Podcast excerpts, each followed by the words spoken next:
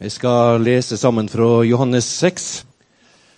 Siden drog Jesus bort til den andre sida av Galileasjøen, som òg heter Tiberiasjøen. Og mykje folk følgde etter han, for de så teiknene han gjorde da han lekte de sjuke. Jesus gikk opp i fjellet og satte seg der sammen med læresveinene sine. Det nærma seg nå påske, høgtida til jødene. Da Jesus løftet blikket og så at det kom mykje folk til han, sa han til Philip, hvor skal vi kjøpe brød så alle disse kan få mat? Det sa han for å prøve Philip, for han visste sjøl hva han ville gjøre. Philip svarer, brød for 200 denarer er ikke nok til at hver av dem kan få et lite stykke. En annen av læresveinene, Andreas, bror til Simon Peter, sa til han, det er et barn her som har fem byggbrød og to fisker. Men hva er det til så mange? Da sa Jesus, la folket sette seg. Det var mye gras der på staden, og de sette seg. Tallet på mennene var omkring 5000. Da tok Jesus brøda, ba takkebøna, og delte ut til dem medan de satt der. Likeens delte han ut av fiskene så mye de ville ha. Da de var mette, sa han til læresveinene, samle sammen de stykker som har att, så ingenting går til spille. De samla sammen og fylte tolv korger med stykker som var ratt av de fem byggbrøda, etter at alle hadde ete. Slik lyder Herrens ord. Jeg må komme med en liten sånn innrømmelse i dag. Og det er at jeg skal gjøre et grep som kanskje ikke er sånn helt pedagogisk. Og når man lager en tale på en gudstjeneste, så er det viktig at en holder seg til ett tema og er sånn veldig systematisk på det, for ellers blir det for mye. Det er en rød tråd i alt det som jeg skal snakke om i dag. Men jeg skal først og fremst snakke om visjonen vår, visjonen til bymenigheten. Og så skal jeg også streife innom et av de temaene som eh, er i semesterheftet vårt i høst. Og Serien den heter 'Historier som forandrer verden'. Og Pedagogisk sett så er det et risikoprosjekt. At vi liksom skal favne litt mye. Men jeg tar sjansen, og så håper jeg at dere syns det er så viktig at dere henger med hele veien. Så gi meg heller en tilbakemelding etterpå hvis det ble for mektig. Nå begynner vi, Dere har fått visjonen her på veggen, og den er det mange av dere som kan. Ikke alle, men mange av dere har hørt og sett den før. Vi pleier å starte et høstsemester i Bymenigheten med å snakke om visjonen vår. At nye mennesker skal komme til tro på Jesus og bli ført inn i et deltakende fellesskap der alle vokser i tro og kjærlighet. Visjonen vår er en bauta i bymenigheten. Den tøyser vi ikke med. Men den er formulert litt sånn, litt sånn typisk som vi i Vesten formulerer oss. Den er saklig, den er rett fram, den er presis og den er ganske rasjonell. Det er helt sikkert mange av dere her i dag som trives veldig godt med et sånt språk. Dere kan oppleve at bilder og metaforer det blir fort litt for svevende og utydelig. Og det handler om personlighet, det handler om hvordan vi tar inn kunnskap, hvordan vi memorerer. Det handler ikke om rett personlighet eller gal personlighet. De er bare litt forskjellige. Kommunikasjon det er vanskelig. Jeg tror likevel at vi befinner oss i en tid der bilder og det å fortelle historier det er viktig for å skape gjenkjennelse og berøring. Og ikke minst gjelder det de som er yngre enn meg. Og Da jeg møtte på første ledersamling i bymenigheten før jeg egentlig var ansatt, eller skulle begynne, så, så advarte jeg dem at det, det kommer kanskje til å bli litt med meg som prest, at dere må venne dere til at jeg uttrykker meg i bilder og fortellingsspråk. Jeg tror at Åpne bilder det gir rom for undring og tolkning. Når vi snakker om visjoner når vi snakker om verdier, så tror jeg faktisk at det er ganske viktig. Ikke-vestlige mennesker, f.eks. afrikanere, de har alltid trengt å få viktige budskap presentert gjennom bilder og fortellinger for å forstå dem. Kanskje har jeg fortsatt litt av afrikaneren i meg siden jeg er født på Madagaskar. Og så kan jeg fortsette med å si at Jesus han brukte også et stort spekter av bilder og fortellinger for å formidle sitt budskap, sine verdier. Altså Visjonen vår det er bautaen i bymenigheten, og den tøyser vi ikke med. At nye mennesker skal komme til tro på Jesus Bli ført inn i et deltakende fellesskap der alle vokser i tro og kjærlighet. Det står fast. Kanskje trenger vi noen andre ord som taler til den delen av menneskeheten som trenger bilder og fortellinger. Så her kommer de fire b-ene Kanskje ikke de fire b-ene sånn helt som dere er vant til å høre dem, men fire b-er. Formulert i én setning, og så skal jeg forklare dem litt etterpå. Bymenigheten er mennesker som samles rundt bålet, deler brød, lever i bønn og bygger videre på broen. Bymenigheten er mennesker som samles rundt bålet, deler brød, lever i bønn og bygger videre på broen. Og nå sitter noen som store spørsmålstegn. Jeg skal forklare. Når nye mennesker kommer i kontakt med vår menighet, så ønsker jeg på en eller annen måte at eh, de skal se og oppleve disse fire kjennetegnene. Hvis du er ny i bymenigheten i dag, så håper jeg når du har fått forklart de ordene og har vært her en stund, så håper jeg du kan si ja, jeg gjenkjenner de fire kjennetegnene hos dere. Eller hos oss. Men jeg håper du skal si ganske raskt. Disse fire de dekker ikke alt det som en menighet uttrykker. De er bevisst litt tvetydige, for livet det går ikke alltid opp på en formel. Hvis du har kommet til bymenigheten for første gang, så legg merke til disse fire. Og Så inviterer jeg deg til å være med oss på å gjøre dem enda tydeligere. Vi begynner forfra. Bålet. Jesus han sa, 'For hvor to eller tre er samlet i mitt navn, der er jeg midt iblant dem'. Det kommer ikke an på hvor mange vi er. Det kommer an på om den korsfestede og oppstandende Jesus Kristus får være sentrum i fellesskapet. Bålet vi samles rundt. At Jesus er i midten, det er utgangspunkt for ethvert fellesskap i bymenigheten. Enten vi er samla i cellegrupper for ulike generasjoner, eller vi er på gudstjenester, vi er i en tjenestegruppe, eller vi er samla hjemme i familien vår samla i hans navn. Han er der alltid. Leder i menighetsrådet, Oddbjørn Folde, som leste teksten nettopp, han har minnet meg på viktigheten av at vi starter alt det vi gjør, sammen med en enkel bønn. Da blir vi bevisst på at han er en del av samtalen. Det er vi som trenger å bevisstgjøres på det, for Jesus er der. Og Det gjelder også frokosten om morgenen. Be den enkle bønnen, og du som etter eller noe annet. Hvorfor gjør vi det? Jo, for å bevisstgjøre oss på at Jesus han er her med oss når vi spiser. Rundt bålet deler vi måltid sammen. Rundt bålet holder vi varmen sammen. Rundt bålet holdes mørket på avstand. Rundt bålet lyses ansiktene våre opp. Vi ser hverandre i gjenskinnet fra lyset.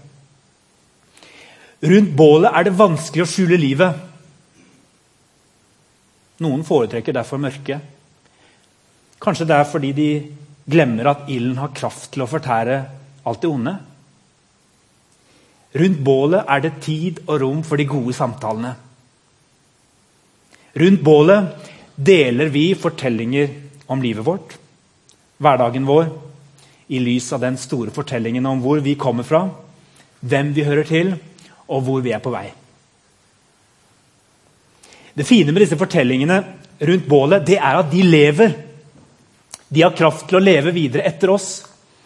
Historien Jesus levde ut i sitt liv, og historien han fortalte, de har satt varige spor i verdenshistoria. Temaet for høstsemesteret vårt i bymenigheten det er 'Historier som forandrer verden'. I heftet har vi plukket ut noen av fortellingene fra Jesu liv som har bidratt til å forandre verden. Ikke bare kirker og menigheter, men verden. Synet på barna, kvinnene, de fattige, de syke i samfunnet, fiendene, de mektige. Det er ganske lett å glemme hvor annerledes verden så ut før Jesus fikk lov å påvirke den. Ja da, jeg vet at mange av Jesu etterfølgere sporet av underveis. Visst er det sant at Kirka ofte brukte lang tid på å ta konsekvensen av Jesu ord og handlinger i, i det praktiske liv. Det er også sant at vi fortsatt trår feil. Og Vi har ikke monopol på de gode verdiene og, og de sanne fortellingene. Men det forandrer ikke det faktum at Jesus satte en helt ny standard for liv og samfunn. Og Nå er det på tide at vi som er kristne, retter ryggen og er stolte av det vi har fått lov å være med på. Og ikke unnskylder oss hele tiden for dem vi er. Vi har grunn til å være stolte, og noen av disse fortellingene skal det handle om nå i høst. Vi skal gjenfortelle dem på hverandre rundt bålet og ta med dere nye, så de også får hørt dem. Ta dem med på gudstjenestene. Her er det litt som sankthansbålet. Men ta dem også med i de mindre gruppene våre. Der er det mer som leirbålet. Og så skal vi gå fra hverandre og leve ut historiene i våre liv her og nå. Og så er det den andre B-en. Å dele brød rundt bålet det er uttrykk for flere sider ved liv i vår menighet. Brød det er først og fremst Bibelen, Guds ord. Jesus han ba oss om å be gi oss i dag vårt daglige brød. og Alltid har det ordet vært lest dobbelt. Det er både det ordet som kommer fra Gud, og det er også fysisk mat. Brød det er best som ferskvare. Derfor søker vi å styrke hverandre på ordet så ofte som mulig i vår daglige tid med Gud. Utlagt og forstått i fellesskapet. Og vi, vi søker å formidle ordet til hverandre på ulike måter. Gjennom at vi leser, deler ordet på tomannshånd, i familien, i samtaler, i cellegrupper, gjennom tale, drama, undervisning på gudstjenester. Men brød det er også Jesu kropp, som vi deler i nattverden, som vi har delt i nattverden i dag. Som uttrykk for troen og nåden er dette brødet en gave vi ikke kan gjøre oss fortjente til. Vi mottar den helt gratis, bare av nåde. Men vi må rekke ut hånden og ta imot. Vi trenger å møte opp. I bymenigheten har vi nattvær på de fleste gudstjenester og av og til i cellegruppene som en forsøksordning. Men brød er mer. Å dele brød med hverandre det er også et uttrykk for det mangfold av gaver og tjenester som vi betjener hverandre med i små grupper eller i det større fellesskapet. Husker dere disiplene? Dere hørte teksten. De trodde ikke de hadde noe å gi til folkemengden. Jesus han insisterte dere skal gi dem mat. Redningen det ble den lille gutten som ga dem sine fem brød og to fisker. Jesus han velsignet maten, og disiplene hadde nok til alle. Her etablerte Jesus et mønster. Alle har fått noe som de kan dele med andre. Også vi i bymenigheten vi vil være et sånt deltakende fellesskap med tro på at alle kan bidra med noe. Akkurat dette blir fokus på tre søndager og to temakvelder i høst. Rett person på rett plass med rett motivasjon. Det er navnet på den serien. Og Ikke fordi noen av oss er gale personer der vi er. Vi er alle rette personer. Men, og Vi skal heller ikke nå finne på mange nye oppgaver og presse dere til å gjøre noe dere ikke har lyst til. Det er tvert imot. Vi vil hjelpe hverandre til å være og gjøre det vi er kalt til. Det vi kjenner en særlig dragning mot, og ikke alt mulig annet. Mange av dere, dere som har vært med i Bymenigheten en stund, dere har vært med på sånne runder før. Er du trygg på at du vet det meste om dine gaver og hva du har lyst til å gjøre, og hvor du skal tjene, så er det kanskje du som skal være med og hjelpe og støtte noen andre som ikke er helt sikre på dette ennå. Det er faktisk noen som går og lurer på om dere egentlig har fått noe brød utdelt. Om dere har noe det er verdt å dele. Jeg drømmer om at dere skal få oppleve det underet skje i livet deres og i menigheten vår. Jesus han velsigner dine to brød, om det er det du har, og de gir næring til fellesskapet. Å dele brød det handler også om å vise godhet. Vi ønsker å være en raus menighet som deler Guds godhet både i lokalsamfunnet og globalt. Vi vil vokse både i tro og kjærlighet. Og så er den tredje ben bønnen. Jesus sa på et tidspunkt, minte om det Gud hadde sagt mange år før det. Han sa 'Mitt hus skal være et bønnens hus'. Han var nesten litt streng da han sa det. Flere mennesker har gitt meg dette ordet over de siste par årene og sagt at dette er et viktig ord til deres menighet. Vi lever i en tid der endringer skjer veldig raskt både i storsamfunnet i oppslutning av menigheter. Mer enn noe annet så trenger vi å være en menighet som lytter til Gud og holder samtaler med Gud i fellesskap for å forstå oss på tidene. Menigheten det er ikke et prosjekt vi holder på med for Gud. Det er vi som inviteres til å være med på det Gud gjør i verden. Og da trenger vi å lytte. Bønn, tilbedelse og forbønn for andre mennesker det kan skje på mange måter. Forskjellighet det kan handle mye om kultur, generasjoner, personligheter. Vi ønsker å være åpne for at kommunikasjon med Gud har mange uttrykk.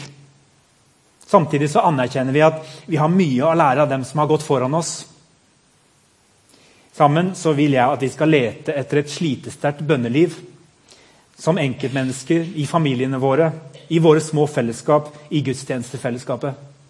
For vi skal være et bønnens folk. Noe av det sterkeste jeg opplevde på konfirmantleir i Danmark forrige uke.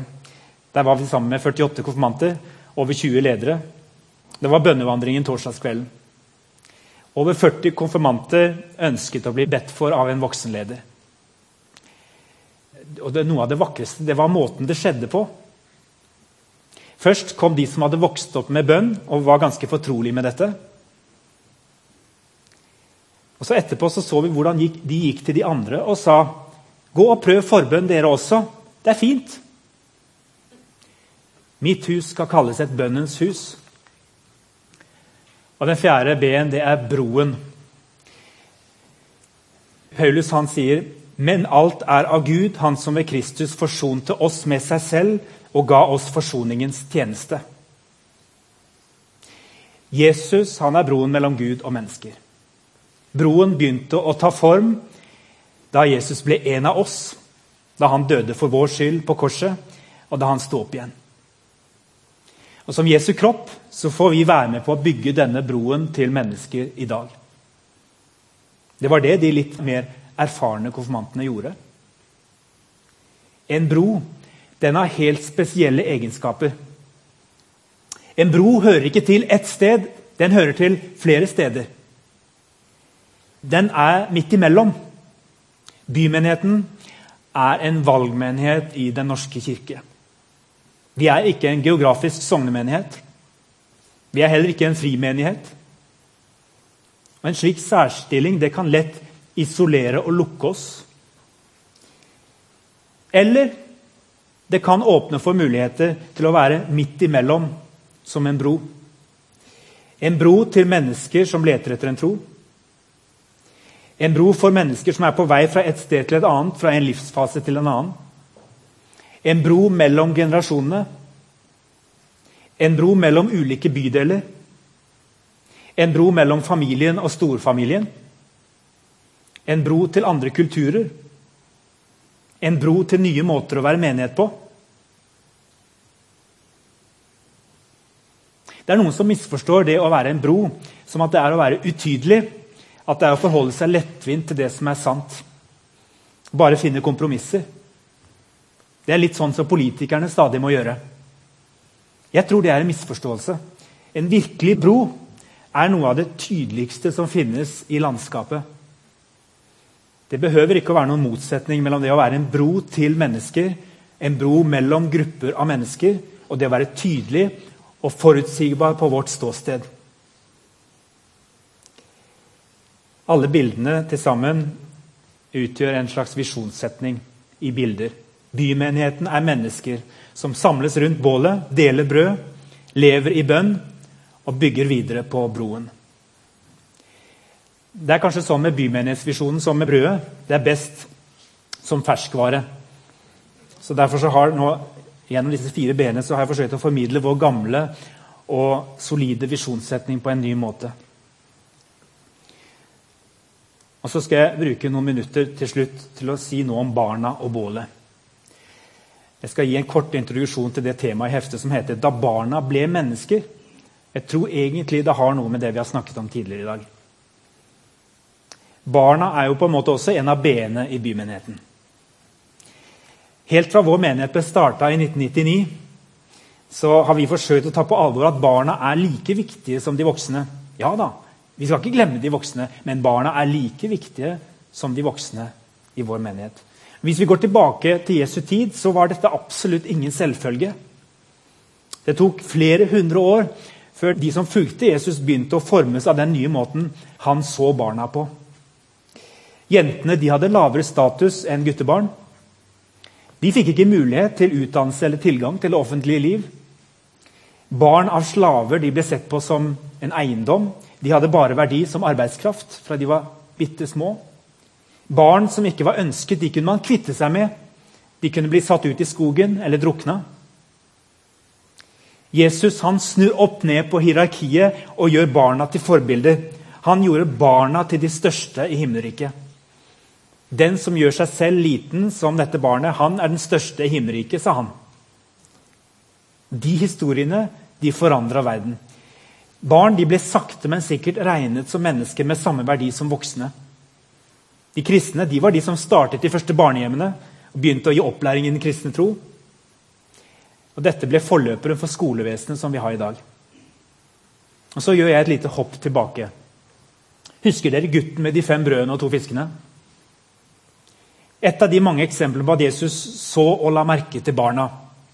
Og han kunne bruke dem. Han skjøv dem ikke bare bort og sa at du må vente til du blir voksen med å komme her og bidra med noe. Men pass nå litt på. Det ligger en klassisk fare i den lille fortellinga. For Den er litt annerledes enn den fortellingen om da de bar små barn til Jesus for at han skulle velsigne dem, og disiplene ville vise dem bort.